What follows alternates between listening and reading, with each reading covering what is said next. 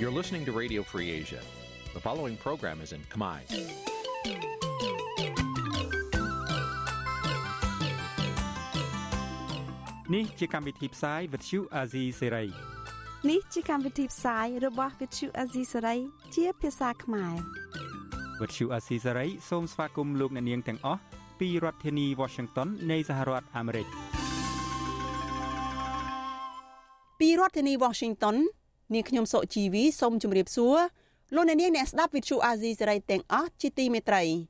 យើងខ្ញុំសូមជូនកម្មវិធីផ្សាយសម្រាប់ព្រឹកថ្ងៃសុក្រ3កើតខែចែកឆ្នាំខាលចត្វាស័កពុទ្ធសករាជ2566ត្រូវនៅថ្ងៃទី24ខែមីនា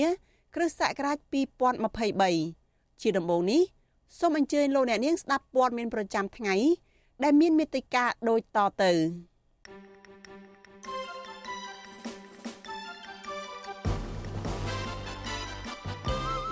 មន្ត្រីគណៈបកប្រឆាំងថាការធ្វើសមយុទ្ធយោធានាមាស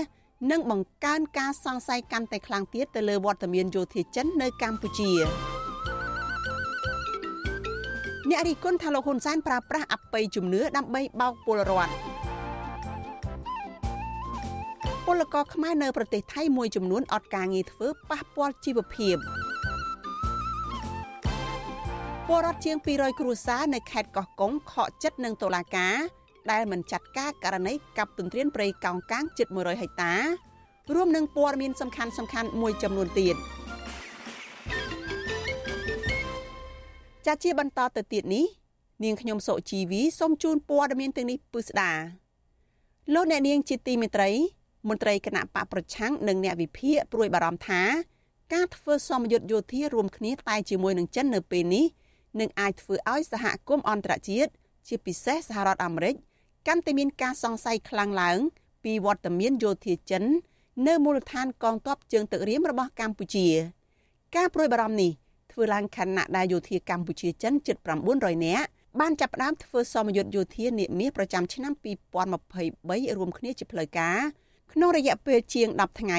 ចាប់ពីថ្ងៃទី23ខែមិនិនាម្សិលមិញនេះតទៅ ចាលោកមានរិទ្ធមានសេចក្តីរាយការណ៍អំពីរឿងនេះ។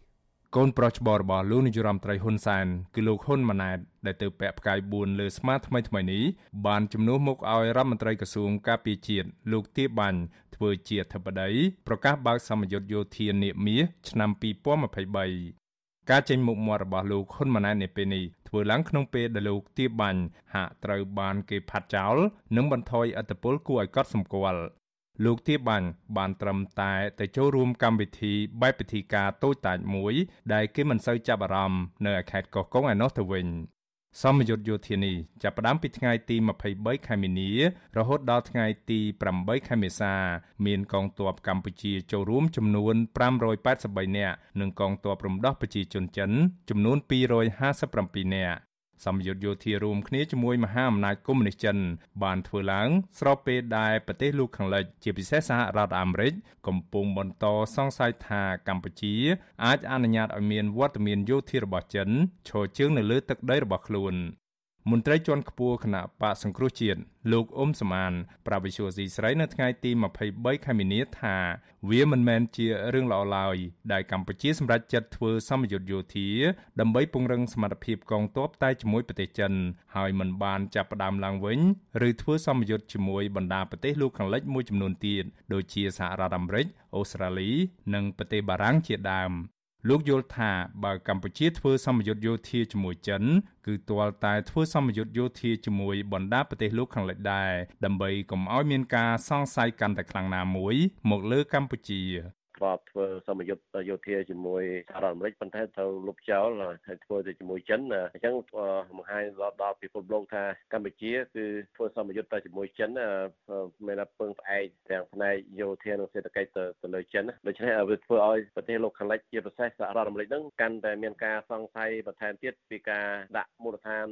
យោធារបស់ចិននៅសមុទ្ររៀមហើយនិងខេត្តកោះកុងជាដើមវាជារឿងមួយដែលមិនល្អនោះទេ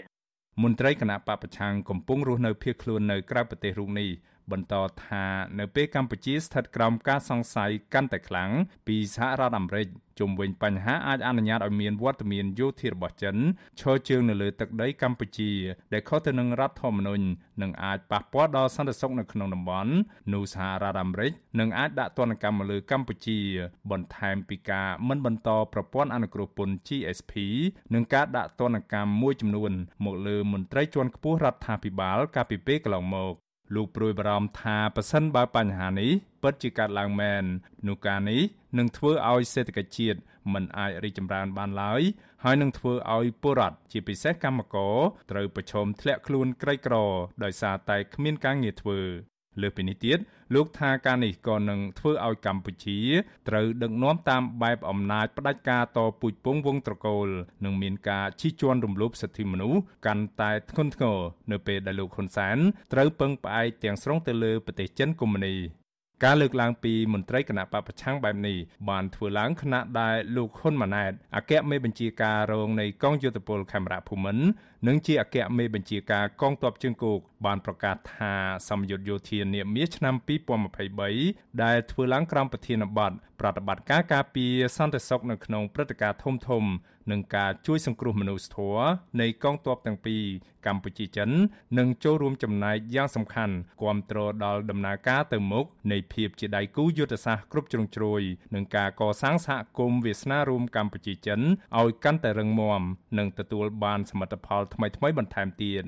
នេះបើយោងតាមការចុះផ្សាយពីបណ្ដាញសារព័ត៌មានក្នុងស្រុកស្និទ្ធនឹងលោកហ៊ុនសែន ប្រពន្ធដដាលបន្តថាលោកហ៊ុនម៉ាណែតក៏បានរំលឹកអំពីគុណសម្បត្តិនៃការផ្ដាំចេញពីទស្សនកិច្ចរបស់លោកហ៊ុនសែនទៅទីក្រុងប៉េកាំងប្រទេសចិន កាលពីឆ្នាំ1999ដែលលោកអះអាងថាបានធ្វើឲ្យកម្ពុជាទទួលបានជំនួយផ្នែកយោធាជាបន្តបន្ទាប់ពីចិន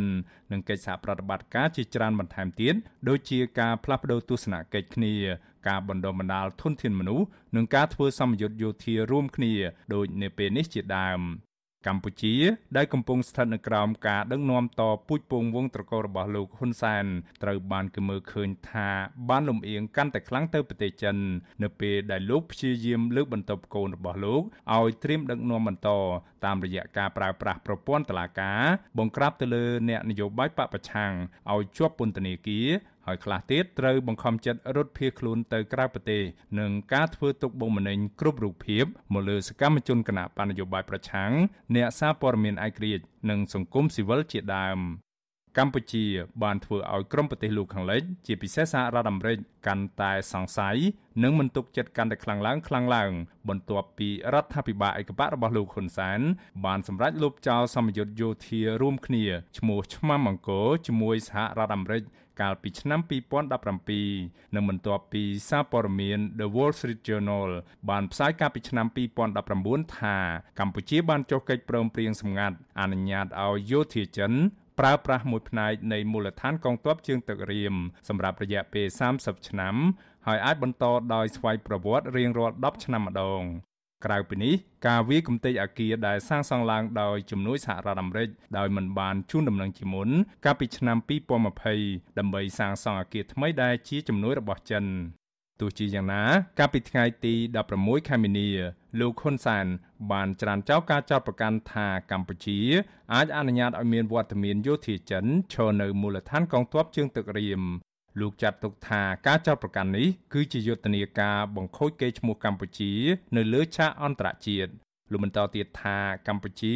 មានសិទ្ធិដើម្បីអភិវឌ្ឍនិងធ្វើទំនើបកម្មមូលដ្ឋានទ័ពរៀមដើម្បីពង្រឹងសមត្ថភាពកងទ័ពជើងទឹក ការពារអធិបតេយ្យជាតិប្រយុទ្ធប្រឆាំងទៅនឹងការរត់ពន្ធមនុស្សរត់ពន្ធគ្រឿងញៀនការនេសាទខុសច្បាប់ឬក្រិតកម្មឆ្លងដែនក្នុងសមុទ្រនិងមិនមែនជាការគំរាមកំហែងទៅប្រទេសណាមួយឡើយ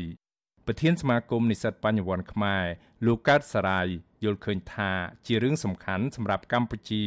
ដែលជាប្រទេសកំពុងអភិវឌ្ឍគួរតែមានទំនាក់ទំនងល្អខាងសេដ្ឋកិច្ចនិងយោធាជាមួយបណ្ដាប្រទេសទាំងអស់នៅក្នុងពិភពលោកលោកបន្តថាមេដឹកនាំកម្ពុជា គួរអនុវត្តតាមរដ្ឋធម្មនុញ្ញរបស់ខ្លួនឲ្យបានត្រឹមត្រូវជៀសវាងការបង្ហាញគោលជំហរណាមួយដែលមានភាពលំអៀងព្រោះវានឹងមិនផ្ដល់ផលប្រយោជន៍ច្រើនសម្រាប់កម្ពុជានោះឡើយ កម្ពុជាហាក់ដូចជាមានភាពស្និទ្ធស្នាលជាមួយនឹងភាគីចិនខ្ញុំមិនមិនបានបដិសេធថាវាមិនមានផលប្រយោជន៍អីសម្រាប់កម្ពុជាទេប៉ុន្តែផ្ទុយទៅវិញវាមិនបាននាំដល់ផលចំណេញច្រើនសម្រាប់កម្ពុជាទេហើយវានឹងអាចធ្វើឲ្យមានការសង្ស័យឬក៏នឹងធ្វើឲ្យមានការអន់ចិត្តពីប្រទេសលោកសេរីឬក៏ពួកបព្វជិមលោកបាទ ចំណែកឯអ្នកវិភាគនយោបាយបណ្ឌិតសេងសេរី លើកឡើងថាការមិនព្រមបន្ត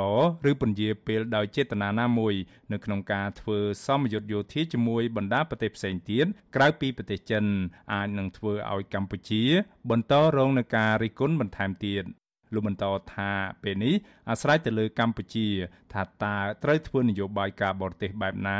នៅពេលប្រឈមនឹងការប្រកួតប្រជែងឥទ្ធិពលនយោបាយរវាងប្រទេសមហាអំណាចទាំងពីរនៅក្នុងតំបន់អាស៊ាន លោកបានថែមថាប្រសិនបើចិនឬសហរដ្ឋអាមេរិកអាចចាប់យកកម្ពុជាបាននោះស្មើនឹងការចាប់យកបានតំបន់អាស៊ានទាំងមូល ហើយវាជាគ្រោះថ្នាក់បំផុត សម្រាប់កម្ពុជា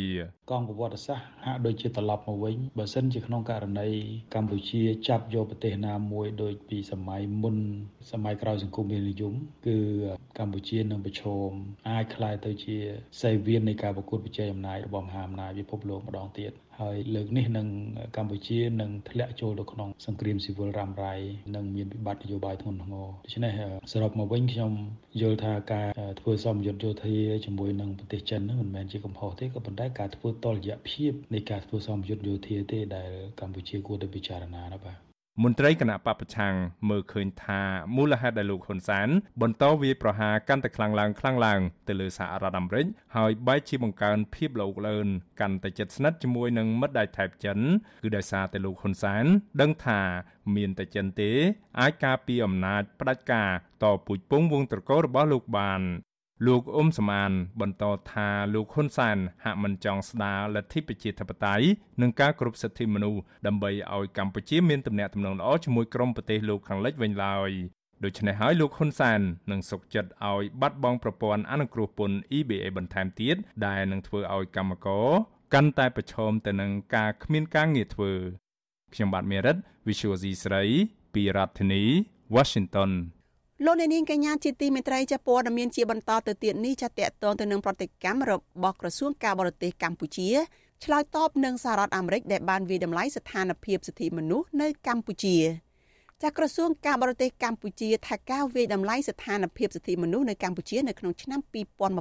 2022ចាចេញដោយក្រសួងការបរទេសអាមេរិកថាមានស្តង់ដារ2និងមិនបានឆ្លុះបញ្ចាំងពីស្ថានភាពសិទ្ធិមនុស្សពិតប្រាកដនៅកម្ពុជានោះឡើយ។ បើទោះជាបែបណាមន្ត្រីអង្គការសង្គមស៊ីវិលនិងអ្នកវិភាគដើម្បីការអភិវឌ្ឍសង្គមថារដ្ឋាភិបាលកម្ពុជាគួរតែទទួលយកចំណុចខ្វះខាត ហើយធ្វើការកែប្រែ ជាជាងច្រានចោលការរកឃើញរបស់របាយការណ៍ក្រសួងការបរទេសអាមេរិកចាលូទីនសការីយ៉ាមានសេចក្តីរាយការណ៍អំពីរឿងនេះក្រសួងការបរទេសកម្ពុជាលើកឡើងថាសហរដ្ឋអាមេរិកវាតម្លៃស្ថានភាពសិទ្ធិមនុស្សនៅកម្ពុជា តែមិនបានវាតម្លៃស្ថានភាពសិទ្ធិមនុស្សខ្លួនឯង ដែលកម្ពុជាអះអាងថាមានការរំលោភសិទ្ធិមនុស្សដែរនោះជាការអនុវត្តស្តង់ដារ2ក្រសួងការបរទេសកម្ពុជាលើកឡើងទៀតថារបាយការណ៍របស់ក្រសួងការបរទេសអាមេរិកមិនអាចទុកចិត្តបានឡើយពីព្រោះប្រភពរបស់របាយការណ៍នេះបានមកពីអង្គការសង្គមស៊ីវិលដែលទទួលបានជំនួយពីបរទេសតែប៉ុណ្ណោះទោះបីជាយ៉ាងនេះក្តីក្រសួងការបរទេសកម្ពុជាទទួលស្គាល់ថាប្រជាធិបតេយ្យនៅកម្ពុជាស្ថិតនៅវ័យក្មេងនៅឡើយ ហើយរដ្ឋាភិបាលកម្ពុជានឹងខិតខំលើកកម្ពស់ការគោរពសិទ្ធិមនុស្សនិងលទ្ធិប្រជាធិបតេយ្យបន្តទៀតការលើកឡើងរបស់ក្រសួងការបរទេសកម្ពុជានេះធ្វើឡើងបន្ទាប់ពីក្រសួងការបរទេសអាមេរិកបានចេញរបាយការណ៍ស្តីពីស្ថានភាពសិទ្ធិមនុស្សនៅកម្ពុជាឆ្នាំ2022ថាបរដ្ឋកម្ពុជាពុំមានលទ្ធភាពអាចជ្រើសរើសរដ្ឋាភិបាលដែលពួកគេចង់បាន តាមរយៈការបោះឆ្នោតដោយសេរីនិងយុត្តិធម៌នោះឡើយរបាយការណ៍ដែលចេញកាលពីថ្ងៃទី20មីនាបានលើកឡើងថា មានសេចក្តីរាយការណ៍អំពីភាពមិនប្រក្រតីជាច្រើន នៅថ្ងៃបោះឆ្នោតដូចជាវត្តមានរបស់មន្ត្រីសន្តិសុខនិងអាជ្ញាធរមូលដ្ឋាននៅក្នុងឬនៅក្បែរការិយាល័យបោះឆ្នោតភាពមិនប្រក្រតីនៃនីតិវិធីរាប់ស្លឹកឆ្នោតនិងការរដ្ឋបတ်មន្ត្រីខ្លំមើលការបោះឆ្នោតជាដើមដោយឡែកចំពោះអ្នកទស្សនយោបាយវិញក្រសួងការបរទេសអាមេរិកក៏សម្គាល់ថាកិត្តិត្រឹមខែធ្នូឆ្នាំ2022ផ្អែកតាមការប៉ាន់ស្មានរបស់អង្គការសង្គមស៊ីវិលក្នុងស្រុកធ្វើការផ្នែកសិទ្ធិមនុស្សឲ្យដឹងថា នៅកម្ពុជា មានអ្នកទស្សនយោបាយនឹងជាប់ឃុំប្រមាណជា40នាក់ក្រៅពីនេះក្រសួងការបរទេសអាមេរិកក៏បានលើកឡើងពីករណីរំលោភសិទ្ធិមនុស្សដទៃទៀតដូចជាករណីចង្អៀតណែននៅក្នុងពន្ធនាគារករណីរំលោភសិទ្ធិទទួលបានការកាត់ក្តីដោយស្មើភាពគ្នាករណីរំលោភសិទ្ធិការងារសិទ្ធិកុមារសិទ្ធិជនជាតិដើមភាគតិច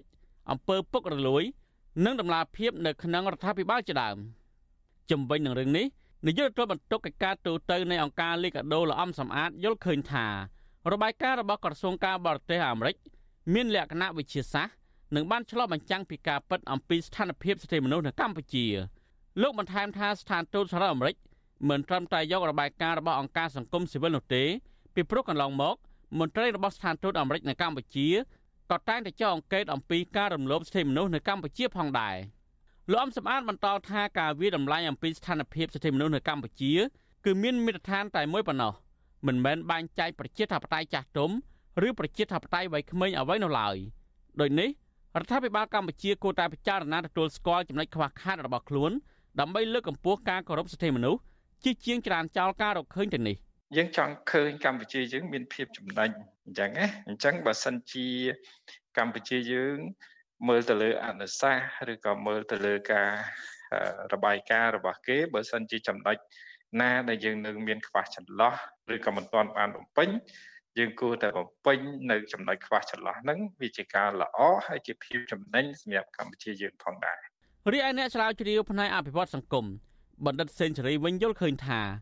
កម្ពុជាបានលើកឡើងថាអាមេរិកមានការរំលោភសិទ្ធិមនុស្សដោយបណ្ដាប្រទេសផ្សេងផ្សេងដែរនោះ គឺជាការលើកឡើងដោយមិនឆ្លុះបញ្ចាំងពីការពិតគ្រប់ជ្រុងជ្រោយនិងជារឿងដែលគួរអស់សំណោចនិងជារឿងដែលគួរឲ្យអស់សំណោចលោកបន្ថែមថាដោយសារតែអំណាចនីតិប្រតិបត្តិដែលដឹកនាំដោយលោកនាយករដ្ឋមន្ត្រីហ៊ុនសែនមានឥទ្ធិពលលើសលប់លើអំណាចតុលាការនិងអំណាចនីតិបញ្ញត្តិដូចជាការកាត់ទោសទៅលើសកម្មជននយោបាយដែលមាននិន្នាការផ្ទុយពីរដ្ឋាភិបាលពិតជាមិនបានធ្វើទៅតាមការអនុវត្តច្បាប់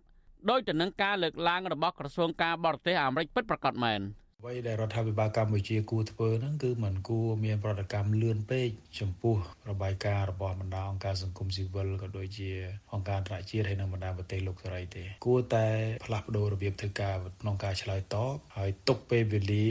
ដើម្បីពិនិត្យមើលនៅអ្វីដែលជារបាយការណ៍របស់បណ្ដាប្រទេសលោកសេរីហ្នឹងតើតើមានតថភាពឬក៏ឆ្លុះបញ្ចាំងពីសង្គមកម្ពុជាប៉ុណ្ណាក៏ប៉ុន្តែនៅពេលដែលយើងចាប់ផ្ដើមឆ្លើយភ្លាមភ្លាមរបៀបនេះខ្ញុំគិតថា ធ្វើឲ្យបណ្ដាប្រទេសមួយចំនួនឬក៏ធ្វើឲ្យពិភពលោកមើលឃើញថាយើងនៅកម្ពុជាហ្នឹងមិនយល់អំពីរបៀបរបបក្នុងការធ្វើការហ្នឹងកន្លងទៅរដ្ឋាភិបាលកម្ពុជាតែងតែច្រានចោលករណីរំលោភសិទ្ធិមនុស្សនានាដែលរកឃើញដោយសារ៉ាអាមេរិកសហភាពអឺរ៉ុបនិងក្រុមប្រទេសលោកខាងលិចដោយចាត់ទុកការរកឃើញទៅនោះថាមិនឆ្លោះបញ្ចាំងពីការពិតនៅកម្ពុជាទោះជាយ៉ាងណានៃវិភាគលើកឡើងថាកម្ពុជាច្រានចោលរបាយការណ៍ដែលមានលក្ខណៈវិជាសាស្ត្រទាំងនេះ និងមិនត្រឹមតែមិនបានលើកកម្ពស់ការគោរពសិទ្ធិមនុស្សនៅកម្ពុជាប៉ុណ្ណោះទេក៏ប៉ុន្តែកាន់តែធ្វើឲ្យការដឹកនាំកម្ពុជាកាន់តែប្រែក្លាយទៅជាការដឹកនាំបែបផ្ដាច់ការផងដែរខ្ញុំធីនសាការីយ៉ាអស៊ីសេរីប្រធានីវ៉ាស៊ីនតោន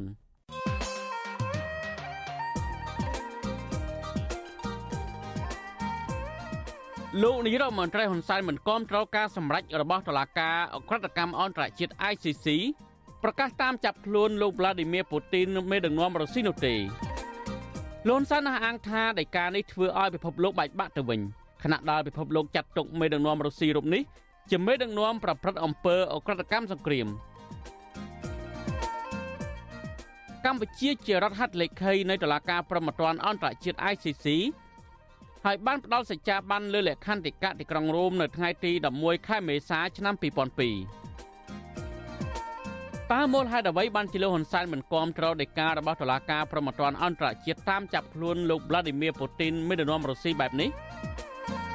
បាទសូមលោកនាងរងចាំទស្សនានីតិវេទិកាអ្នកស្ដាប់អាស៊ីសេរីនៅយប់ថ្ងៃសុក្រនេះកុំបីខានលោកនាងអាចសួរវាគ្មិនរបស់យើងឬបញ្ចេញជាមតិយោបល់សូមលោកនាងដាក់លេខទូរស័ព្ទនៅក្នុងខ្ទង់ comment Facebook ឬ YouTube របស់វិទ្យុអាស៊ីសេរីក្រុមការងាររបស់យើងនឹងហៅទៅលោកនាងវិញបាទសូមអរគុណ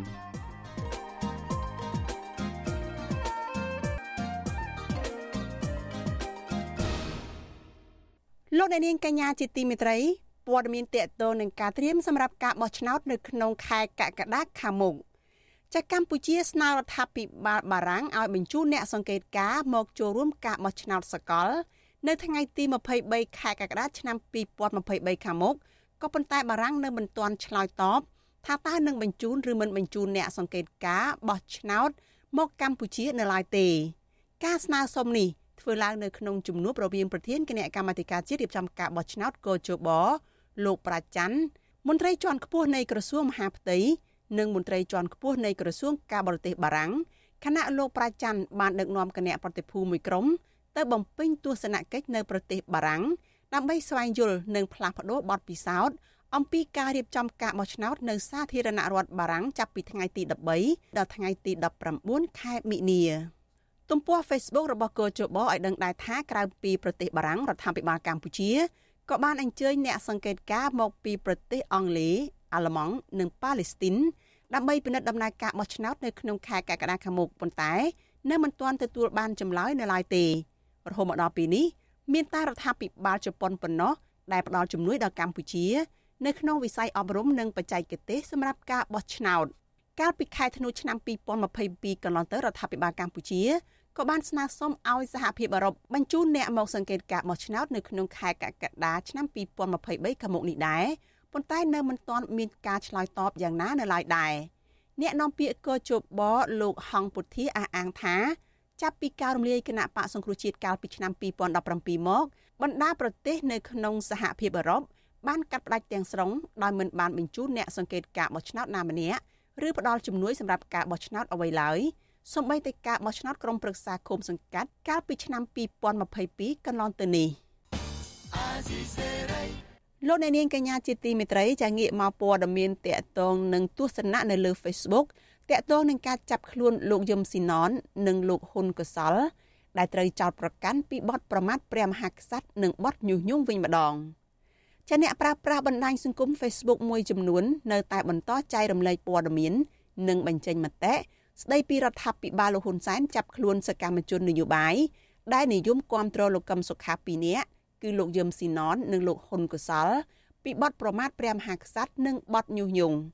អ្នកប្រើប្រាស់បណ្ដាញសង្គមទាំងនោះអ្នកខ្លះថាករណីនេះគឺជារឿងលខោននយោបាយរបស់លោកហ៊ុនសែនចំណែកអ្នកខ្លះទៀតថាករណីនេះ គឺជាការបង្ក្រាបទៅលើសិទ្ធិសេរីភាពបញ្ចេញមតិរបស់ពលរដ្ឋឲ្យមានប្រសិទ្ធភាពនៅមុនការបោះឆ្នោតជាតិដែលនឹងចាប់ផ្ដើមនៅក្នុងខែកក្កដាខាងមុខចាលោកសេកបណ្ឌិតសូមស្រង់មតិទស្សនៈរបស់អ្នកប្រើប្រាស់បណ្ដាញសង្គមមួយចំនួនជុំវិញរឿងនេះមកជម្រាបជូនលោកអ្នកនាងដូចតទៅអ្នកប្រើប្រាស់បណ្ដាញសង្គមដែលនិយមតាមដានព្រឹត្តិការណ៍សង្គមយល់ឃើញថា ការចាប់ខ្លួនសកម្មជននយោបាយបកប្រឆាំងពីររូបចុងក្រោយនេះ ពុំមានអ្វីចម្លែកទេ ពីព្រោះលោកហ៊ុនសែនរងចាំតែឱកាសល្អនឹងធ្វើស៊ីបកគោលទាំងឡាយណា ដែលនិយាយឬក៏ធ្វើសកម្មភាពអ្វីមួយ ដែលមិនចំណេញដល់គណៈបកកណ្ដាលអំណាចរបស់លោកបទចោតដើម្បីចាប់ដ៏ពេញនិយមបំផុតនោះ គឺបទបរិហាគេ និងបទញុះញង់បង្កឲ្យមានភាពវឹកវរធ្ងន់ធ្ងរដល់សន្តិសុខសង្គមចំណែកបទចោទថា ប្រមាថព្រះមហាក្សត្រនោះ គឺគ្រាន់តែយកមកធ្វើជាធ្នាក់ឬជាលេសតែប៉ុណ្ណោះម្ចាស់កេរនី Facebook មួយឈ្មោះសៀសៀប្រូបានបញ្ចេញទស្សនៈថាលោកហ៊ុនសែនយកព្រះមហាក្សត្រដើម្បីចាំតែចាប់ចំណុចគេនឹងយូរយូរទៅយកតែខ្មែរគ្នាឯងធ្វើជាសត្រូវគ្មានបានការអីទេ ហើយក៏គ្មានចម្លែកអីដែររីឯម្ចាស់កេរនី Facebook មួយទៀតឈ្មោះហេងកំឡាយក៏បានបញ្ចេញមតិ ឬខមមិនជុំវិញរឿងនេះដែរថាច្បាប់លើមាត់ឬចិត្តរបស់ហ៊ុនសែនហើយការចាប់ខ្លួនលោកយឹមស៊ីណននិងលោកហ៊ុនកសលនោះគឺធ្វើឡើងតាមអំពើចិត្តដោយគ្រាន់តែឃើញលោកហ៊ុនសែនបញ្ចេញប្រតិកម្មតតាំងជុំវិញរឿងនេះម្ចាស់កេរនី Facebook ដដែលនេះ មើលឃើញទៅថា របបលោកហ៊ុនសែនកាន់តែប្រៃផ្សាយទៅប្រៃផ្សាយទៅហើយចំណែកឯម្ចាស់កេរនី Facebook ឈ្មោះច័ន្ទថនសុក ក៏បានចេញសារបន្ទោជុំវិញរឿងនេះដែរថាហ៊ុនសែនឯងមិនគួរណាដើរចាប់ក្មេងៗដាក់គុកទេ ដោយគ្រាន់តែគ្នាសម្ដែងមតិត្រូវដោះលែងលោកយឹមស៊ីណនជាបន្ទាន់ខ្លួនចាស់ហើយល្មមស្គាល់ខុសស្គាល់ត្រូវផងឈប់ដើរសម្លាប់អ្នកស្លូតត្រង់តទៅទៀតដោយឡែកម្ចាស់កេរនី Facebook មួយទៀតឈ្មោះជាតិខេមរាវិញមើលឃើញថា ការចោទមនុស្សសំខាន់សំខាន់របស់លោកកម្មសខា ដូចជាលោកមៀកសវណ្ណារានិងជនបរទេសលោកម៉ាក់ជីបែលនិងចាប់លោកហ៊ុនកសលនិងលោកយឹមស៊ីណនដោយចោទពីបទល្មើសធ្ងន់ធ្ងរបែបនេះគឺលោកហ៊ុនសែនគំរាមដោយត្រង់ត្រង់នឹងអាចឲ្យលោកកំសខាដើរតាមគម្រោងរបស់ខ្លួននាពេលឆាប់ឆាប់ព្រោះលោកហ៊ុនសែនត្រូវដោះស្រាយជាមួយសម្ពាធធ្ងន់ធ្ងរពីសហគមន៍អន្តរជាតិជាបន្ទាន់រីឯម្ចាស់កេរនី Facebook មួយទៀតឈ្មោះមโนរោមទេព បានបញ្ចេញទស្សនៈជុំវិញរឿងនេះដែរថាល្បិចហ៊ុនសែនជួយផ្សាយពាណិជ្ជកម្មឬប្រូម៉ូសិនឲ្យពីអ្នកនេះព្រោះគ្មានអ្នកចាប់អារម្មណ៍បាត់មុខយូរពេកចង់ប្រើបំបែក CNRP និងភ្លើងទៀនគ្មានប្រសិទ្ធភាពចំពោះម្ចាស់កេរនី Facebook ផ្សេងទៀតដែលដាក់ឈ្មោះថាអធិពលខ្មែរបានបញ្ចេញយោបល់ជុំវិញរឿងនេះដែរថាហ៊ុនសែនកាន់តែចាស់កាន់តែកើតរូបអបសុក បានជារមែងចេញមកគោវល់បំពុលសង្គមអញ្ចឹងរឿងតូចតាចអញ្ចឹងសោះក៏ចាប់ពួកគេដាក់គុកដែរនាំតែចង្អៀតគុកទេទៀតព្រោះពួកគាត់គ្រាន់តែជាអ្នកគ្រប់គ្រងនយោបាយគ្មានអធិបុលគ្មានប្រជាប្រិយភាពគ្មានអំណាចព្រមទាំងអត់ថាវិការជំរុញចលនាឲ្យហួសពីការសរសេរអត្ថបទផុសទ្រឹស្ដីលើ Facebook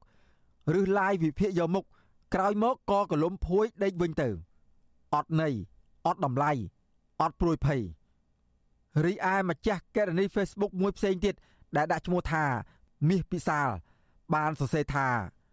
ខ្ញុំមើលឃើញការបញ្ចេញមតិរបស់សម្ដេចហ៊ុនសែនគឺហាក់ដូចជាធ្ងន់ធ្ងរហួសពីភាពជាក់ស្ដែងខ្ញុំសង្ឃឹមថាសម្ដេចផ្ដល់ឱកាសនិងបើកលំហដល់ក្មេងៗចំនួនក្រោយ បាទទស្សនៈឬខមមិនចុងក្រោយនេះគឺម្ចាស់កេរនី Facebook ឈ្មោះសួរសេរី គាត់បានបញ្ចេញមតិឬខមមិនយ៉ាងខ្លីហាក់ហួសចិត្តថាស្រុកសន្តិភាពសម្បូរគុកដាក់រាជខ្លួនឯងដល់ហើយខ្ញុំបាទសេកបណ្ឌិតវុទ្ធុអាស៊ីសេរីពីរដ្ឋធានីវ៉ាស៊ីនតោនលោកអ្នកនាងកញ្ញាប្រិយមិត្តជាទីមេត្រីចាព័ត៌មានតកតងនឹងការសាក់លបងដាក់ទណ្ឌិតឬក៏អ្នកដែលមានទោសឲ្យអនុវត្តទោសនៅខាងក្រៅពន្ធនាគារវិញម្ដងចាក្រសួងយុតិធធបានដាក់ទណ្ឌិតចំនួន12រូប ឲ្យរស់នៅក្រៅពន្ធនាគារដោយភ្ជាប់លក្ខខណ្ឌកាលពីឆ្នាំ2022ក្រសួងយុតិធធឲ្យដឹងថាទណ្ឌិតទាំង12នាក់នេះបានអនុវត្តទោសនៅក្រៅពន្ធនាគារមួយរយៈហើយដើម្បីឲ្យពួកគាត់បានជួបជុំក្រុមគ្រួសារប្រកបមុខរបរនិងមានសិទ្ធិសេរីភាពអាចចូលរួមនៅក្នុងសង្គមឡើងវិញបានក្នុងសន្និបាតបូកសរុបការងារយុតិធធឆ្នាំ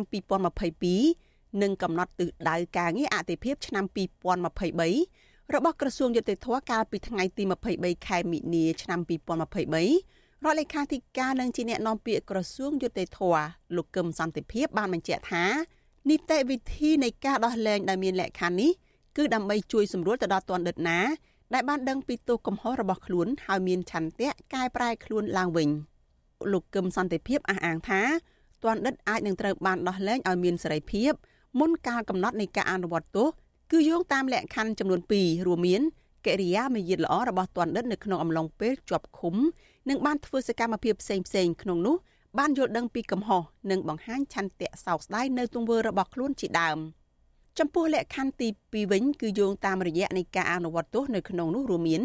អ្នកជាប់ទោសពាក់កណ្ដាលនៃទោសប្រសិនបើទោសនោះតិចជាងឬស្មើមួយឆ្នាំ ទណ្ឌិតដែលបានជាប់ទោស2ភាគ3នៃទោសក្នុងករណីផ្សេងផ្សេងទៀតនិងទណ្ឌិតត្រូវបានកាត់ទោសឲ្យជាប់ពន្ធនាគារអស់មួយជីវិតក៏ប៉ុន្តែទណ្ឌិតនោះបានអនុវត្តទោសជាប់ពន្ធនាគារយ៉ាងតិចអស់រយៈពេល20ឆ្នាំរួចមកហើយ។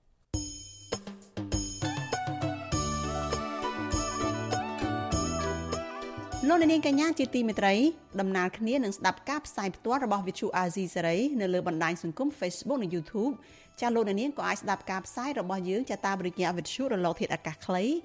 SW តាមកម្រិតនិងកម្ពស់ដូចតទៅនេះពេលព្រឹកចាប់ពីម៉ោង5កន្លះដល់ម៉ោង6កន្លះតាមរយៈ post SW 9.39 MHz ស្មើនឹងកម្ពស់ 32m និង post SW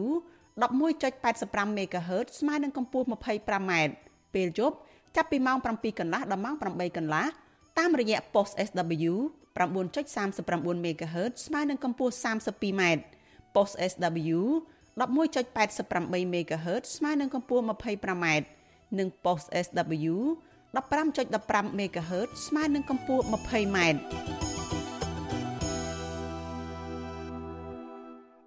លោកអ្នកនាងជាទីមេត្រីចាយើងងាកមកព័ត៌មានមួយទៀតចាតកតងទៅនឹងការតវ៉ារ៉ាំរ៉ៃរបស់ក្រុមកោតក្រនៅឯក្រុមហ៊ុនបនលបៃ Nagavel ចាក្រុមកោតក្រ Nagavel មួយចំនួនខកចិត្តដែលថៅកែបន្តរើសបុគ្គលិកថ្មី តែមិនព្រមយកសមាជិកសហជីពចូលធ្វើការវិញពួកគេថាទង្វើនេះបង្ហាញយ៉ាងច្បាស់ថាថៅកែរើសអើងសហជីពនិងមានចេតនាបំបិតសម្លេងសហជីពឯករាជ្យរីឯមន្ត្រីសង្គមស៊ីវិលយល់ឃើញថា ថៅកែ Nagavel គួរតែដោះស្រាយវិវាទការងារនេះឲ្យបានឆាប់រហ័សដើម្បីអាចស្ដារមុខមាត់របស់ខ្លួនឡើងវិញ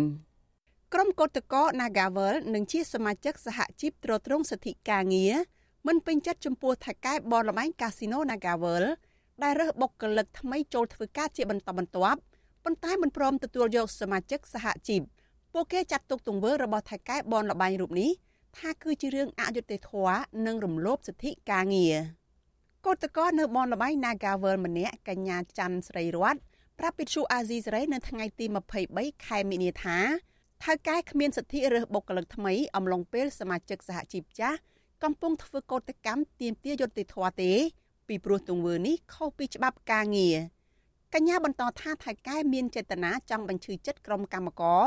ឲ្យឈប់ធ្វើកោតកម្មរួចដើរចេញដោយខ្លួនឯង។ ខ្ញុំនៅតែទទូចទៅទទូចមកដដែលថាគ្រប់ស្ថាប័នដែលពាក់ព័ន្ធទាំងអស់មេត្តាជួយជំរុញឲ្យថៅកែ Nagavel ហ្នឹងគោរពសិទ្ធិការងាររបស់កម្មករខ្មែរហើយថៅកែ Nagavel ក៏គាត់ក៏ជារដ្ឋមន្ត្រីមួយរូបដែរអញ្ចឹងគាត់រំលោភសិទ្ធិការងាររំលោភសិទ្ធិមនុស្សនិយាយទៅរំលោភសិទ្ធិកម្មករខ្មែរអញ្ចឹងស្ថាប័នពាក់ព័ន្ធគាត់គួរតែជំរុញឲ្យថៅកែ Nagavel ហ្នឹងដោះស្រាយវិវាទការងារនៅក្រុមហ៊ុន Nagavel នេះទៅទំព័រ Facebook របស់ក្រុមហ៊ុន Nagavel តែងតែប្រកាសជ្រើសរើសបុគ្គលិកថ្មីចូលធ្វើការជាប្រចាំក្នុងការជ្រើសរើសបុគ្គលិកនោះក្រុមហ៊ុនបានបញ្ជាក់ថាដាក់ពាក្យភ្លាមសម្ភាសភ្លាមនិងថាប្រាក់ឧបត្ថម្ភនិងអត្ថប្រយោជន៍ដ៏ច្រើនកំពុងរងចាំអ្នកក្រុមកោតក្រយល់ថាអ្វីដែលថៅកែក្រុមហ៊ុនកំពុងធ្វើនេះឆ្លុះបញ្ចាំងយ៉ាងច្បាស់ថាថៅកែបញ្ឈប់បុគ្គលិកជាង1000នាក់កន្លងមកនេះមិនមែនដោយសារតែជួបវិបត្តិហិរញ្ញវត្ថុនៅក្នុងអំឡុងពេលមានជំងឺរាតត្បាត COVID-19 នោះទេ ប៉ុន្តែកោតតកអះអាងថាការបញ្ឈប់នេះគឺដោយសារថៅកែមានចេតនារំលាយសហជីពដែលតែងតែចេញការពារសិទ្ធិកម្មករមកដល់ពេលនេះវិវាទរវាងបុគ្គលិកនិងក្រុមហ៊ុន Nagavel បានអូសបន្លាយពេលជាង1ឆ្នាំមកហើយហើយក្រុមបុគ្គលិកតែងតែចេញធ្វើកោតកម្មអហិង្សាជាបន្តបន្ទាប់ដើម្បីទាមទារចូលធ្វើការវិញ និងទាមទារឲ្យលុបចោលការចោទប្រកាន់ព្រមទាំងដោះលែងតំណាងសហជីពកញ្ញាឈឹមស៊ីថឲ្យមានសេរីភាពឡើងវិញ។ នៅរសៀលថ្ងៃទី23ខែមិនិនាកូនតកប្រមាណ50នាក់បន្តប្រមូលផ្ដុំគ្នាតវ៉ាទាមទារឲ្យថៅកែ Nagavel ដោះស្រាយវិបត្តិការងារនេះដែរបើទោះបីជាពួកគាត់ទទួលរងនឹងការគំរាមកំហែងការប្រើហិង្សា ការចោទប្រកាន់តាមផ្លូវតុលាការ និងការលាបពណ៌ពីលោកនាយរដ្ឋមន្ត្រីហ៊ុនសែនក្តីពួកគេនាំគ្នាវាយស្គរកាន់រូបថតកញ្ញាឈឹមស៊ីធហើយមួយចំនួនទៀតស្រែកច្រៀងឲ្យថៅកែគោរពសិទ្ធិការងារ ក្រុមកោតក្រត្អូញត្អែថាសប្តាហ៍ថ្ងៃពួកគាត់អាចបន្តធ្វើកោតកម្មបាននិងមានអាហារហូបចុកដោយសារតែមានសមាជិកសហជីពខ្លះទៅស៊ីឈ្នួលលាងចានរត់តុអ្នកខ្លះទៀតលក់នំបញ្ចុកដើម្បីរកប្រាក់ផ្គត់ផ្គង់ជីវភាពផង និងផ្ដល់វិភាគទានដល់ក្រុមកោតក្រផងកោតក្រម្នាក់ទៀតកញ្ញាម៉ែនសុធីវឌ្ឍនៈថ្លែងថាថៅកែក្រុមហ៊ុន Nagavel គួរតែពិចារណាម្ដងទៀតពីព្រោះថៅកែធ្លាប់យកលេសជំងឺ Covid-19 ដើម្បីបញ្ឈប់បុគ្គលិកនោះគឺជារឿងមិនត្រឹមត្រូវដោយសារថៃកែប្រកាសរើសបុគ្គលិកថ្មីចូលជារៀងរាល់ថ្ងៃចំណែកបុគ្គលិកជាសមាជិកសហជីពវិញ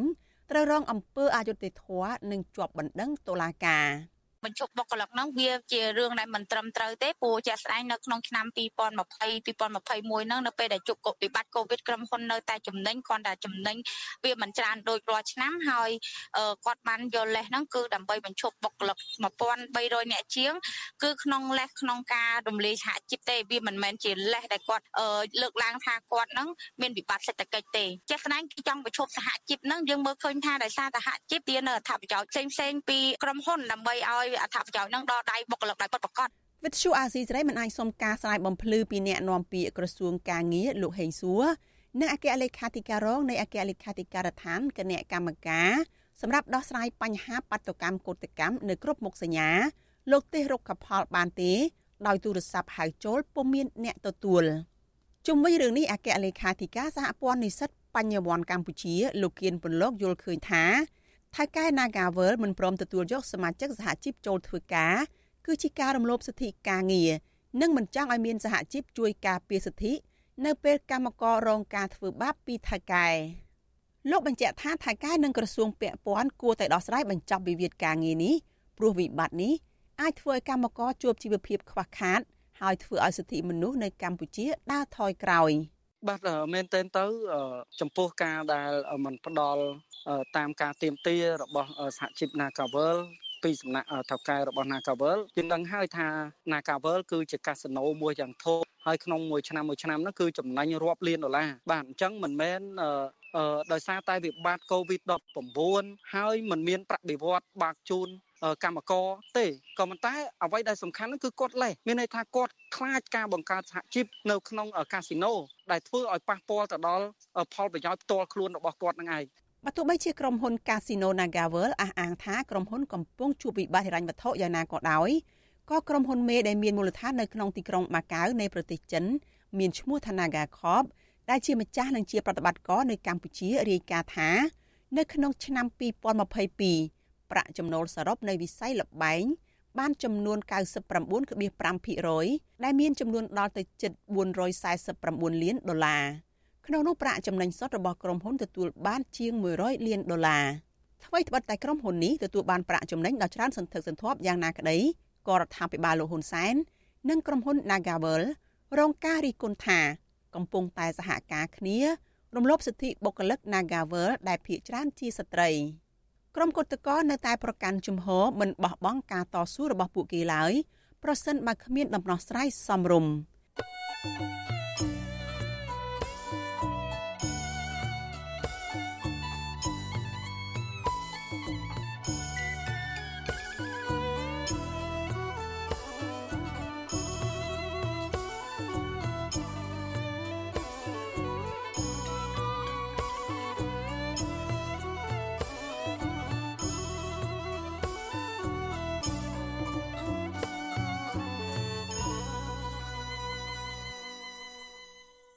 លោកអ្នកនាងប្រិយមិត្តអ្នកស្ដាប់វិទ្យុអាស៊ីសេរីទាំងអស់ជាទីមេត្រី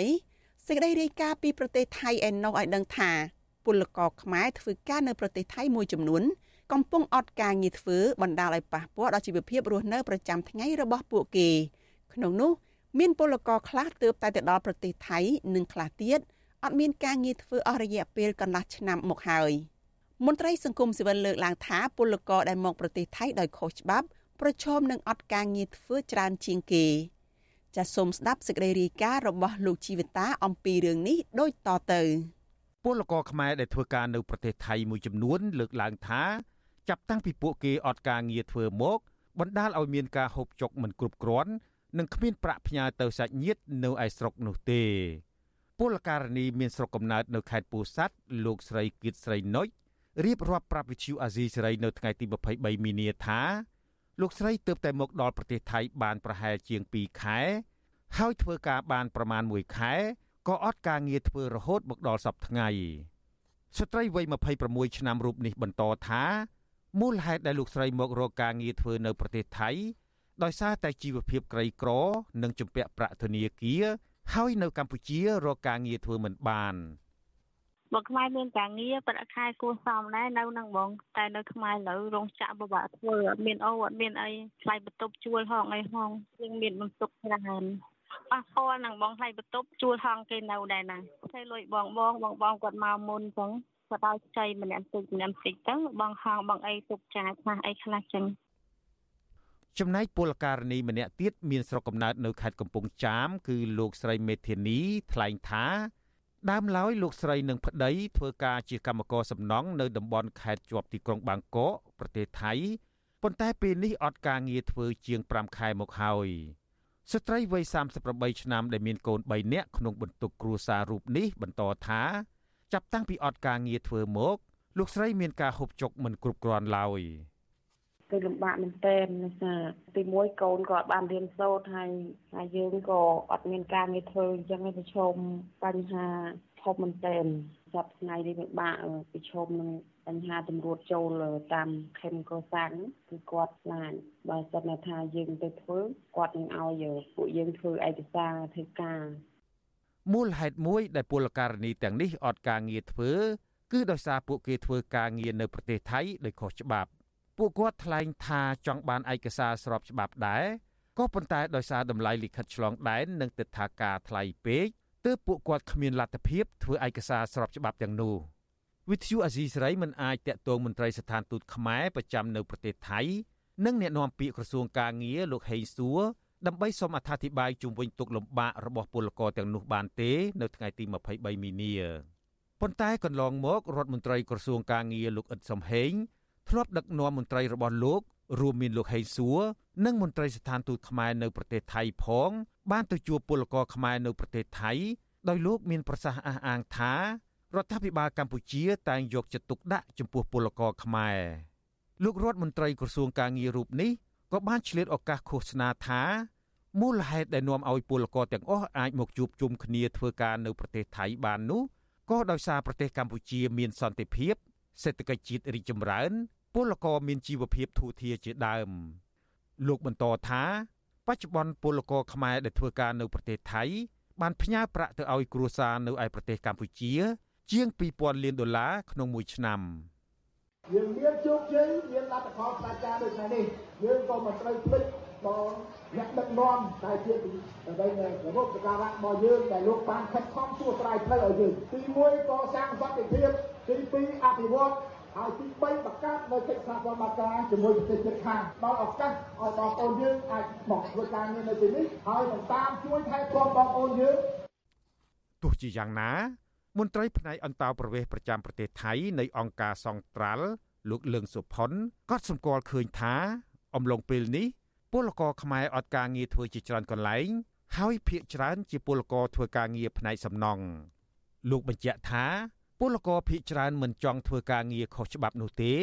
ក៏ប៉ុន្តែដោយសារតែតម្លៃធ្វើឯកសារស្របច្បាប់នៅប្រទេសថៃថ្លៃពេកដែលប៉ះពាល់ដល់ជីវភាពរបស់ពួកគាត់ហើយមន្ត្រីរដ្ឋាភិបាលហាក់មិនសូវយកចិត្តទុកដាក់ជួយដល់ពួកគាត់ឡើយ។ ហើយបើសិនជាបងប្អូនណាដែលគាត់មិនមានឯកសារគ្រប់គ្រាន់ហើយតកែបោកប្រាស់អញ្ចឹងពេលខ្លះក៏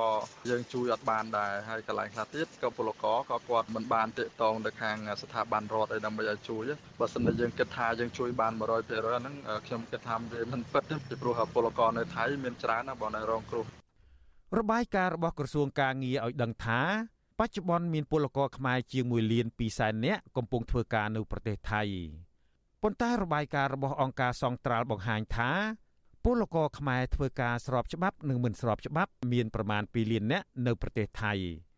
មន្ត្រីសង្គមស៊ីវិលលោកលឿងសុផុនបន្តថាពលករមួយចំនួន ជាពិសេសពលករមិនស្របច្បាប់ទទួលរងការរំលោភបំពានសិទ្ធិការងារនិងបាត់បង់ផលប្រយោជន៍ដែលធ្វើឲ្យប៉ះពាល់ដល់សេដ្ឋកិច្ចគ្រួសាររបស់ពួកគេ លោកបញ្ជាក់ថាដើម្បីដោះស្រាយបញ្ហានេះ រដ្ឋាភិបាលកម្ពុជាគួរតែបញ្ចុះតម្លៃធ្វើលិខិតឆ្លងដែនសម្រាប់ពលករនិងស្នើទៅភាគីថៃឲ្យបញ្ចុះតម្លៃធ្វើទឹកថាការការងារផងដែរដើម្បីសម្រួលដល់ពួកគេឲ្យមានឯកសារស្របច្បាប់ធ្វើការទាំងអស់គ្នាខ្ញុំជីវិតាអាស៊ីសេរីលោកអ្នកនាងជាទីមេត្រីចានៅឯខេត្តកោះកុងឯណោះចាប់ពលរដ្ឋជាង200គ្រួសាររិះគន់សាឡាវធរខេត្តប្រសិទ្ធអនុដែលបានតម្កល់រឿងឥតចាត់ការ ក្នុងករណីជនខិលខូចទន្ទ្រានដីព្រៃកោងកាងធ្វើជាកម្មសិទ្ធិឯកជនទំហំ63ហិកតាក្រមប្រជាប្រដ្ឋទាំងនោះអំពាវនាវឲ្យស្ថាប័នអនុវត្តច្បាប់ជួយការពារព្រៃកោងកាង ដែលជាប្រភពប្រាក់ចំណូលនេសាទនិងជាកន្លែងតាក់ទាញភ្ញៀវទេសចរធម្មជាតិនៅគៀកនឹងភូមិកំណត់របស់ពួកគាត់ចាលោកអ្នកនាងនឹងបានស្ដាប់សេចក្តីរាយការណ៍នេះពិស្ដានៅក្នុងការផ្សាយរបស់យើងនៅពេលបន្តិចទៀតនេះ។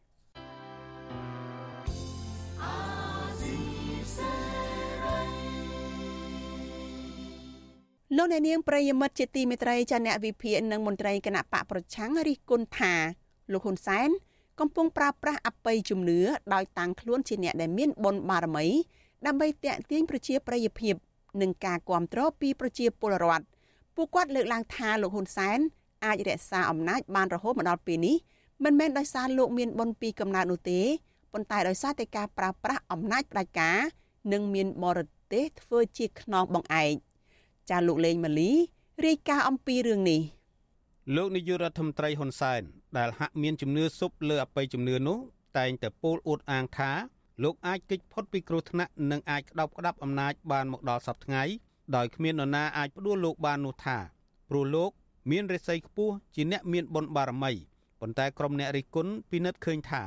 មូលហេតុដែលលោកហ៊ុនសែនអាចកាន់អំណាចយូរបែបនេះបាន គឺដោយសារលោកប្រើប្រាស់មធ្យោបាយសំខាន់សំខាន់មួយចំនួន រួមមានការប្រើអំពើហិង្សា ការគៀបសង្កត់និងអំពើពុករលួយព្រមទាំងមានប្រទេសកុម្មុយនីសជាខ្នងបង្អែកប្រធានប្រតិបត្តិគណៈបកសង្គ្រោះជាតិប្រចាំរាជធានីភ្នំពេញដែលកំពុងភៀសខ្លួននៅក្រៅប្រទេសលោកមនផល្លាសង្កេតឃើញថាលោកហ៊ុនសែនកំពុងប្រើមនោគមវិជ្ជាអរូបីដោយសារព្រោះអបិយជំនឿដោយអួតអាងថាជាអ្នកមានបុណ្យដើម្បីឃោសនានយោបាយបោកប្រាស់ពលរដ្ឋខ្មែរនៅក្នុងប្រទេសដែលនៅជឿលើរឿងអបិយជំនឿនៅឡើយ លោកក៏សម្គាល់ឃើញថា ការចែកអំណោយសរងប៊ីជេងនិងថវិកាដើម្បីទិញសម្លេងឆ្នោតដែលលោកហ៊ុនសែនតែងតែធ្វើមុនការបោះឆ្នោតនោះហាក់មិនសូវមានប្រសិទ្ធភាពដោយអាណត្តិមុនទេទើបលោកហ៊ុនសែនបារម្ភខិតខំនីមនីផលិតភាពយន្តនិពន្ធសិភៅនិងនិយាយក្នុងវេទិកាអួតអាងពីបុណ្យបារមីរបស់លោកដើម្បីឲ្យមហាជនចាប់អារម្មណ៍ បើសិនជាលោកហ៊ុនសែនមានបារមីមែននោះគឺមិនត្រូវធ្វើឲ្យទឹកដីរបស់ខ្លួនបាត់បង់មិនត្រូវធ្វើឲ្យព្រៃឈើរបស់ខ្លួននោះហិនហោចមិនត្រូវធ្វើឲ្យប្រជារាស្ត្ររបស់ខ្លួននោះរងទុក្ខវេទនានោះទេបាទប្រតិកម្មនេះធ្វើឡើងបន្ទាប់ពីលោកហ៊ុនសែនថ្លែងក្នុងពិធីប្រគល់សញ្ញាបត្រដល់និស្សិតវិទ្យាស្ថានវណ្ណដាជាង4000នាក់កាលពីថ្ងៃទី22មីនា ដោយលោករំលឹកពីករណីប៉ុនប៉ងធ្វើឃាតលោកដោយបាញ់គ្រាប់រ៉ុកែត B40 ទៅលើក្បួនរថយន្តរបស់លោក កាលពី20ឆ្នាំមុនគឺក្រោយការបោះឆ្នោតជ្រើសតាំងតំណាងរាស្ត្រក្នុងឆ្នាំ1998ដែលបញ្ចប់ទៅដោយភាពចម្រុងចម្រាសប៉ុន្តែលោកបានគេចផុតពីគ្រោះថ្នាក់ជាបន្តបន្ទាប់ដោយអះអាងថាលោកមានរាសីខ្ពស់និងមានបុណ្យ24កញ្ញា298យកខ្ញុំទៅបាញ់នៅសៀមរាបដោយ B44 គ្រាប់ទៅផ្ទុះតែមួយគ្រាប់ តែវាមិនងាប់ដល់វាមិនងាប់ដោយឈរជើងនៅនោះចុះបើបាញ់ខឲ្យទៅមិនទៅអាហ្នឹងរឿងហើយទៅជឿយំដងភ្លៀងសឹកបាក់មេឃទៅចាក់កាពីត្រូវត្រង់ថាមនុស្សម្នាក់ត្រូវគេយកទៅសម្លាប់តែមិនស្លាប់បែរជាคล้ายទៅជាព្រោះនៅក្នុងកាពីថាคล้ายទៅជាស្រេចផែនដីបងអ្នកតាមដាននយោបាយយល់ឃើញថាការលើកឡើងរបស់លោកហ៊ុនសែនគឺជាការយកភាពចៃដន្យនៃបាតុភូតនយោបាយមកបង្កើតជាអបិយជំនឿ ដើម្បីបង្ហាញឲ្យប្រជាពលរដ្ឋខ្មែរយល់ថាលោកក្លាយជាអ្នកដឹកនាំស្របតាមព្រេងវាសនា និងមានបារមីវត្ថុស័ក្តិសិទ្ធិតាមថែរក្សានិងការពារដើម្បីឲ្យគ្រប់គ្រងអំណាចជារៀងរហូតលោកហ៊ុនសែនជាមេដឹកនាំដែលជឿងប់ងល់ខ្លាំងលើអបិយជំនឿជាក់ស្ដែងលោកបានផ្លាស់ប្ដូរឆ្នាំកំណើតពីឆ្នាំ1951ទៅឆ្នាំ1952ដើម្បីឲ្យចំឆ្នាំរោងត្រូវនឹងសត្វនាគ ដែលលោកហ៊ុនសែនជឿថា អ្នកកើតឆ្នាំរោងមានរិស័យខ្ពស់មិនថាតែការផ្លាស់ប្ដូរឆ្នាំកំណើតនោះទេលោកហ៊ុនសែនបានបញ្ជាទៅសិល្បករឲ្យផលិតភាពយន្តដែលរៀបរាប់ពីជីវិតរបស់លោកដោយបានដាក់បញ្ចូលនៅឈុតឆាកអភិនិហាដែលពណ៌នាពីលោកហ៊ុនសែនគឺជាអវតាររបស់ច័ន្ទទេវបុត្រទៀតផងក្រៅពីនេះកន្លងមកលោកហ៊ុនសែនដែលជាមនុស្សឆេវឆាវឆាប់ច្រឡោតចូលចិត្តឲ្យមនុស្សម្នាលើកតម្កើងនិងកោតសរសើរនោះ ក៏ធ្លាប់អះអាងថាលោកផ្ទាល់គឺជាស្ដេចកនចាប់ជាតិសូម្បីតែកូនប្រុសច្បងរបស់លោកដែលត្រៀមចាំស៊ីគេបន្តពីលោកគឺលោកហ៊ុនម៉ាណែតនោះក៏លោកហ៊ុនសែនតំណាលអួតអាងគេឯងថាលោកហ៊ុនម៉ាណែតអាចជាកូនអ្នកតាអញ្ចាញកោះថ្ម ដែលអ្នកភូមិកោះថ្មស្រុកមេមត់ខេត្តកំពង់ចាមជឿថាមានបារមីខ្លាំងពូកែមកចាប់កំណើតជាមួយនឹងភរិយាលោក លោកអះអាងទៀតថា ការដែលលោកហ៊ានសន្និដ្ឋានបែបនេះ ត្បិតពេលដែលកូនប្រុសរបស់លោកចាប់កំណើតមានពន្លឺចែងចាំងមួយហោះចេញពីដើមពោនៃខ្ទមអ្នកតាអញ្ចាញកោះថ្មនោះរំលងផ្ទះរបស់លោកជុំវិញរឿងនេះអ្នកស្រាវជ្រាវការអភិវឌ្ឍសង្គមបណ្ឌិតសេងសារីយល់ឃើញថាមូលហេតុដែលលោកហ៊ុនសែនអាចរក្សាអំណាចតវងត្រកូលបានបែបនេះមិនតាក់ទងនឹងអបិយជំនឿទេ តែដោយសារគ្រួសាររបស់លោកហ៊ុនសែនក្តោបក្តាប់អំណាចយោធានៅក្នុងដៃប្រើអំណាចផ្ដាច់ការគម្រាមកំហែង ចាប់ចងនិងរំលាយគណៈបកប្រឆាំងហើយមានប្រទេសកុម្មុយនីសធ្វើជាខ្នងបង្អែកបណ្ឌិតសេងសេរីលើកឡើងថាប្រសិនបើការបោះឆ្នោតប្រព្រឹត្តទៅដោយស្មារតីត្រឹមត្រូវយុត្តិធម៌និងគ្មានការគំរាមកំហែងនោះលោកជឿថាលោកហ៊ុនសែននឹងចាញ់ឆ្នោតជាមិនខាន ខ្ញុំជឿលើយុទ្ធសាស្ត្រនយោបាយរបស់គាត់ច្រើនជាងយុទ្ធសាស្ត្រដែលមាន4 5ទី1ហ្នឹងគឺគាត់សម្លុតគម្រាមកំហែងទី2ដែលទិញទឹកចិត្តតាមរយៈការផ្ដល់លៀបសការៈអំណាចទូនីតិទី3ការបំបែកហ្នឹងខ្ញុំខ្ញុំជឿលើយុទ្ធសាស្ត្ររបស់គាត់ច្រើនជាងដែលអាចគ្រប់គ្រងស្ថានភាពឬក៏ចាត់ការដៃគូឲ្យខ្ទាតចេញពីសាវិនយោបាយដូចថ្ងៃ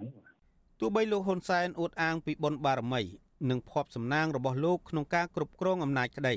ប៉ុន្តែលោកហ៊ុនសែនហាក់មិនមានទំនុកចិត្តលើបារមីខ្លួនឯងឡើយលោកតែងតែរត់ទៅពឹងរាសីបារមីចិននិងវៀតណាមឲ្យធានាការពារអំណាចរបស់លោកនិងកូនប្រុសនៅពេលខាងមុខលើពីនេះបរិះខ្លាំងរូបនេះតែងតែប្រើវិធីមិនស្របច្បាប់គ្រប់បែបយ៉ាងដើម្បីក្រាញអំណាចរបាយការណ៍របស់អង្គការឃ្លាំមើលសិទ្ធិមនុស្សអន្តរជាតិ Human Rights Watch និងអង្គការអន្តរជាតិជាច្រើនស្ថាប័នទៀតលាតត្រដាងថា លោកហ៊ុនសែនឡើងកាន់អំណាចដំបូងឡើយដោយសារវៀតណាមជួយជ្រោមជ្រែងបន្ទាប់មក លោករក្សាអំណាចតាមរយៈរដ្ឋប្រហារការកាប់សម្លាប់ចាប់ចង និងបំបិតសម្លេងអ្នករិះគន់ហើយកំទេចដៃគូប្រកួតប្រជែងព្រមទាំងអំពើពុករលួយ ការច្បាមយកធនធានជាតិហើយប្រើច្បាប់ជាឧបករណ៍ជាដើមខ្ញុំបាទលេងម៉ាលីវិទ្យុអស៊ីសេរីពីរដ្ឋធានី Washington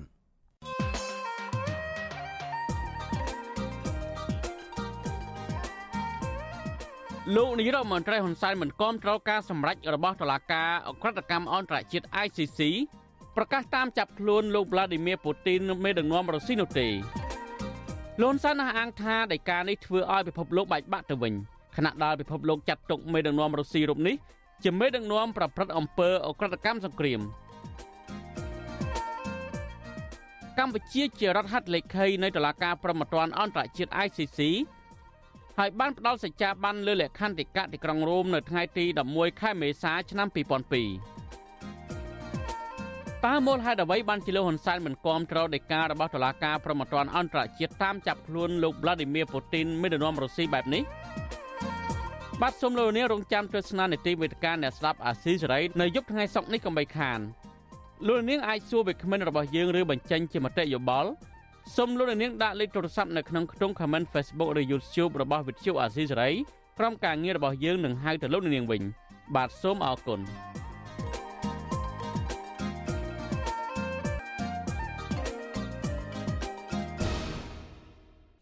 លោកអ្នកនាងកញ្ញាប្រិយមិត្តជាទីមេត្រីចាស់ពលរដ្ឋជាង200គ្រួសារនៅក្នុងខេត្តកោះកុងរិះគន់សាឡាវតូព្រះសីហនុដែលបានដំកល់រឿងឥតចាត់ការ ក្នុងករណីជនខិលខូចបានទុនទ្រានដីព្រៃកោងកាងធ្វើជាកម្មសិទ្ធិឯកជនអស់ទំហំ63ហិកតាក្រមពលរដ្ឋទាំងនោះអំពាវនាវឲ្យស្ថាប័នអនុវត្តច្បាប់ជួយការពារព្រៃកោងកាង ដែលជាប្រភពប្រាក់ចំណូលនេសាទនិងជាកន្លែងតាក់ទាញភ្ញៀវវិស័យទេសចរធម្មជាតិនៅគៀកនឹងភូមិកំណើតរបស់ពួកគាត់ចារូទីនសាការីយ៉ាមានសេចក្តីរាយការណ៍មួយទៀតអំពីរឿងនេះ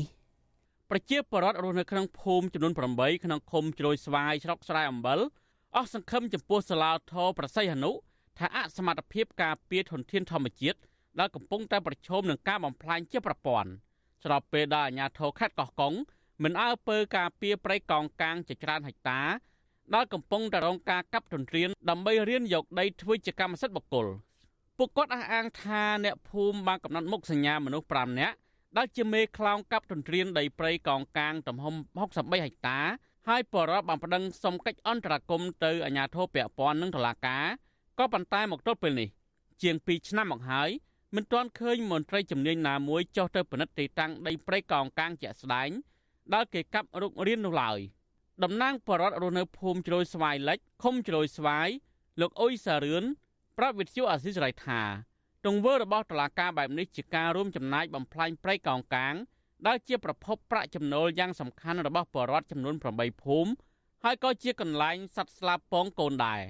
លោកបន្តថាបំណងរួមរបស់ពលលោកគឺចង់ឲ្យអាជ្ញាធរនិងតុលាការការពារសវត្ថិភាពព្រៃកោងកាងទំហំ63ហិកតាឲ្យនៅគង់វង្សខណៈបច្ចុប្បន្ននេះក្រុមល្មើសនៅតែបន្តកាប់ទន្ទ្រានដីព្រៃកោងកាងរួចដុតកំទេចចោលកាន់តែវាលធំឡើង ហើយត្រៀមលុបដីពុះធ្វើជាដីឡូគឺប្រជាពលរដ្ឋទាំងគាត់ហ៊ុនគឺលឺ5អ្នកហ្នឹងហើយដែលកាត់ទន្ទ្រានប្រជាពលរដ្ឋថតបានអីបានផុសតាំងអីមានគ្រប់បែបគ្រប់យ៉ាងរហូតដល់អ្នកកាត់ទន្ទ្រានក៏ទទួលស្គាល់ថាដីជាដីរបស់រដ្ឋដែរហើយមុនអ្នកឯកាត់ហ្នឹងក៏ដីហ្នឹងក៏ជាដីព្រៃកងកាងពេញគ្រប់ពិតជាអយុត្តិធម៌ណាស់ព្រោះអីមុនតឡាការនឹងអតគេតម្កល់រឿងទាំងអត់ចាត់ការហើយអត់មានប្រាប់មូលហេតុកាលពីឆ្នាំ2021កន្លងទៅ បរដ្ឋ3នាក់តំណាងឲ្យប្រជាពលរដ្ឋ213គ្រួសារនៅភូមិជ្រោយស្វាយលិចឃុំជ្រោយស្វាយបានដាក់ពាក្យប្តឹងមនុស្ស5នាក់ពីបទលួចកាប់ទន្ទ្រានដីព្រៃកោងកាងលិចទឹកដើម្បីយកធ្វើជាកម្មសិទ្ធិឯកជន ទំហំ63ហិកតាដោយខុសច្បាប់ អ្នកភូមិអះអាងថាពួកគាត់មានឯកសារនិងភ័ស្តុតាងច្បាស់លាស់ដែលបញ្ជាក់ថាមនុស្សទាំង5នាក់នោះជាមេខ្លងហុំព័ទ្ធនិងកាប់ទន្ទ្រានដីព្រៃកោងកាងព្រោះព្រៃតំបន់នោះជាព្រៃសាធារណៈរបស់រដ្ឋ គ្រប់គ្រងដោយក្រសួងបរិស្ថាន កាលពីថ្ងៃទី29វិច្ឆិកាឆ្នាំ2022អគ្គប្រធានអាជ្ញាអមសាឡាអូថូប្រសិទ្ធហនុលោកស៊ីវ៉ានីបានសរសេរលិខិតជូនដំណឹងមួយប្រាប់ដើមបណ្ដឹងថាសាឡាអូថូខេត្តប្រសិទ្ធហនុបានសម្រេចដំកល់រឿងឥតចាត់ការស្របតាមសេចក្តីសម្រេចរបស់ស្ថាប័នអัยការខេត្តកោះកុងក្នុងដំណើររឿងលួចកាប់ទន្ទ្រានដីព្រៃកោងកាងធ្វើជាកម្មសិទ្ធិឯកជន វិទ្យុអាស៊ីសេរីមិនអាចតាក់ទងអគ្គប្រធានអាជ្ញាសាឡាអូថូខេត្តប្រសិទ្ធហនុលោកស៊ីវ៉ានីដើម្បីសួរអំពីបញ្ហានេះបានទេនៅថ្ងៃទី23មីនាទោះជាណាអគ្គប្រធានអាជ្ញារូបនេះធ្លាប់បានថ្លែងនៅក្នុងសេចក្តីជូនដំណឹងថាសេចក្តីសម្រេចនេះមានលក្ខណៈត្រឹមត្រូវស្របតាមច្បាប់តំណាងពលរដ្ឋលោកអ៊ុយសារឿនបន្ថែមថាលោកកំពុងតែទាល់គំនិតមិនដឹងទៅពឹងស្ថាប័នរបស់រដ្ឋាភិបាលណាមួយឲ្យជួយដោះស្រាយរឿងនេះនៅឡើយទេពីព្រោះកន្លងទៅ ពួកលោកបានពឹងពាក់អាជ្ញាធរមូលដ្ឋានរហូតដល់អាជ្ញាធរខេត្តក៏គ្មានផលអ្វីឡើយ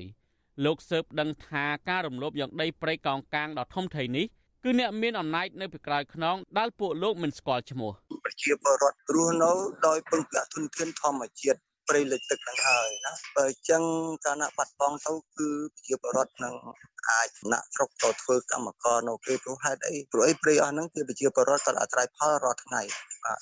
បាទឆ្លោះក្តាមរងាវបាទឆ្លោះមកគៀឬ4តាមគីឡូក្នុងមួយថ្ងៃហ្នឹង4 5ម៉ឺនហ្នឹងជាបំផុតរីឯមេឃុំជ្រោយស្វាយលោកប៊ុនរ៉េប្រាប់វិទ្យុអសិរ័យយ៉ាងខ្លីថាកន្លងទៅមន្ត្រីឃុំបានចោះស្រាវជ្រាវរឿងនេះដែរដើម្បីធ្វើរបាយការណ៍ជូនថ្នាក់លើពិនិត្យ ព្រោះភារកិច្ចដោះស្រាយរឿងនេះហួសពីសមត្ថភាពអាជ្ញាធរឃុំលោកទទួលស្គាល់ថាមានសកម្មភាពកាប់ទន្ទ្រានដីព្រៃកោងកាង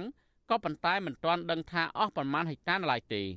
ចង់និយាយថាកន្លែងផ្សេងផ្សេងយើងបានចុះមើលជាច្រើនលើកច្រើនសារគ្រប់កន្លែងទៅជាមួយអាជ្ញាធរពាក់ព័ន្ធដូចជាមន្ត្រីរាជានុរៈក្រសួងបរិស្ថានហ្នឹងដឹកនាំសហការជាមួយក្រុមប្រឹក្សាឃុំ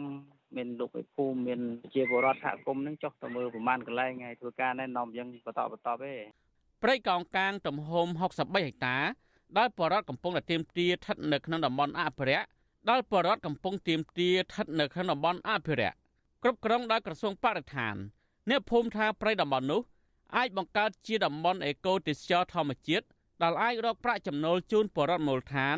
និងអាចបង្កើតឱកាសការងារដល់ប្រជាសហគមន៍ទប់ស្កាត់ការធ្វើចំណាកស្រុកប្រជាសហគមន៍នៅតំបន់នោះស្រមៃថាបើព្រៃកោងកាងគង់វង្ស និងផ្ដល់ផលប្រយោជន៍សេដ្ឋកិច្ចយូរអង្វែងជូនប្រជាពលរដ្ឋសុវត្ថិភាពបរិស្ថាន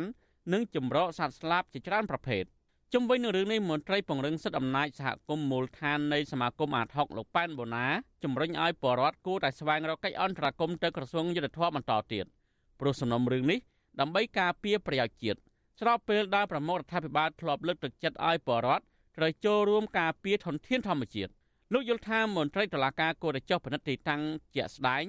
និងអនុវត្តច្បាប់ទៅលើអ្នកដែលពាក់ព័ន្ធដើម្បីការពារព្រៃកោងកាងនេះឲ្យបានគង់វង្ស វាធ្វើឲ្យវារដ្ឋយើងវាអស់សង្ឃឹមពីព្រោះថាលោកមានឆន្ទៈការពារប្រតិបត្តិរបស់ជាតិហើយបើសិនជាថាបានរដ្ឋដែលទទួលខុសត្រូវហ្នឹងលោកមិនគិតគូរលោកមិនធ្វើការចោតប្រកាន់ធ្វើអីអីបែរជាតម្កល់ទៅវិញវាធ្វើឲ្យធនធានធម្មជាតិយើងនឹងត្រូវរងនឹងការបំផ្លិចបំផ្លាញទន្ទ្រានតាមចិត្តឃើញច្បាស់ហើយហើយมันមានការចោតប្រកាន់ពីថាបានអាយាធ្វើឲ្យប្រជាពលរដ្ឋអស់ទឹកចិត្តក្នុងការការពារធនធានធម្មជាតិរបស់ជាតិបាទមន្ត្រីសង្គមស៊ីវិលរំនេះបន្ថែមថាបើស្ថាប័នតុលាការ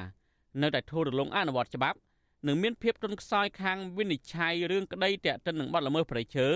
នឹងធ្វើឲ្យបរិបត្តិបាត់បង់ជំនឿចិត្តនិងស្អប់ប្រព័ន្ធតុលាការកាន់តែខ្លាំងថែមទៀតលោកថាបញ្ហានេះក៏ជាឧបសគ្គប៉ះពាល់ដល់ប្រព័ន្ធច្បាប់សិទ្ធិមនុស្សធនធានធម្មជាតិនិងមុខមាត់របស់លោកកើតរិទ្ធដែលជារដ្ឋមន្ត្រីក្រសួងយុទ្ធភ័ពស្របពេលលោកបានបដិញ្ញាថានឹងផ្ដល់យុទ្ធធរជូនបរដ្ឋគ្រប់រូបស្មារភាពគ្នាចំពោះមុខច្បាប់នោះខ្ញុំទីនសាការីយ៉ាស៊ីសេរីប្រធានីវ៉ាស៊ីនតោន